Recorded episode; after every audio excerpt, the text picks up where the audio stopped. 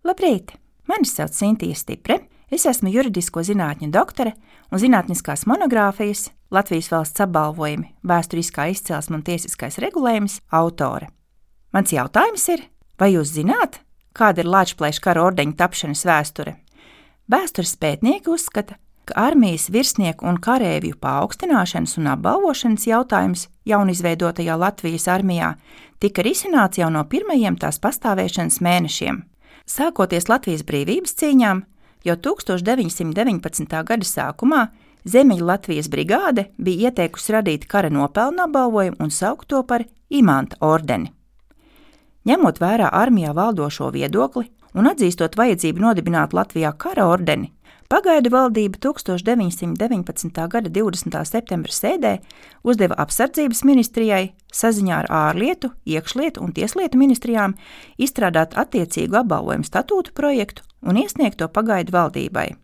Ar apsardzības ministra pavēli tika izveidota kara ordeņu statūtu izstrādes komisija, kas saņēma priekšlikumus nevien no iesaistītajām ministrijām, bet arī no atsevišķām personām, kuras vēlējās piedalīties Latvijas pirmā ordeņa izveidē.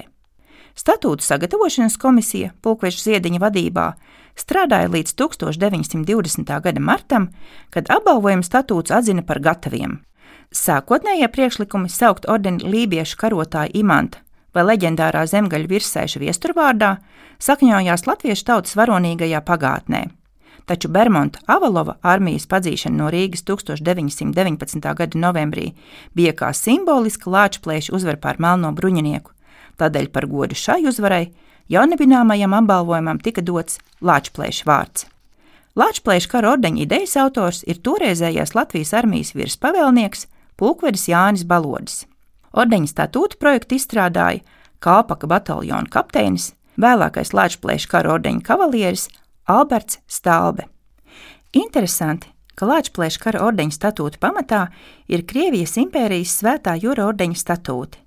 No Svētā Jūra ordeņa statūta 1913. gada redakcijas tika aizgūta Lāčplēša kara ordeņa statūta struktūra un vairāki būtiski pamatprincipi. Piemēram, apbalvošanu uzsāk no zemākās ordeņa šķiras, apbalvošana izvirza apbalvojumā tiešais komandieris, pats kareivis nevar lūgt sevi apbalvot.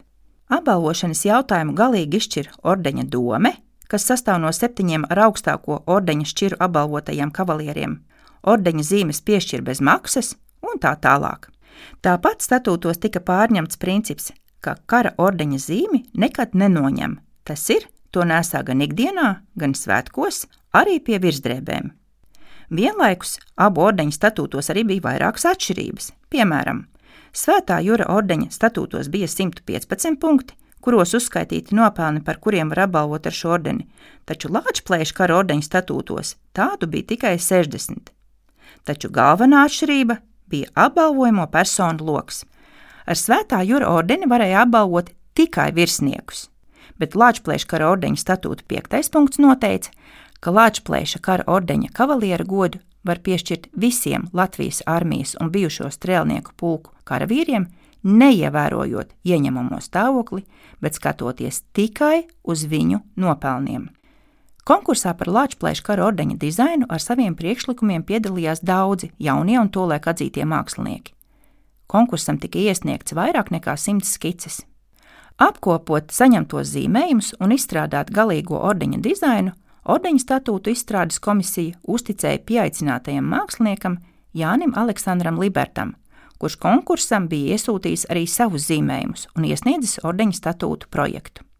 Vadoties no iesniegtajām skicēm, Liberts sākotnēji izstrādāja 50 ordeņa zīmju variantus, bet vēlāk komisijas un likumdevēja izvērtēšanai nodeva tikai desmit zīmējumus dažādās krāsu kombinācijās, no kuriem komisija izvēlējās to variantu, kādu pazīstam mūsdienās. Ir pamats uzskatīt, ka Latvijas kara ordeņa krusta formas autors ir gleznotājs Valdemārs Tone. Pirmo Latvijas kara ordeņa paraugi tika kalti Francijā, bet paši ordeņi izgatavoti Latvijā.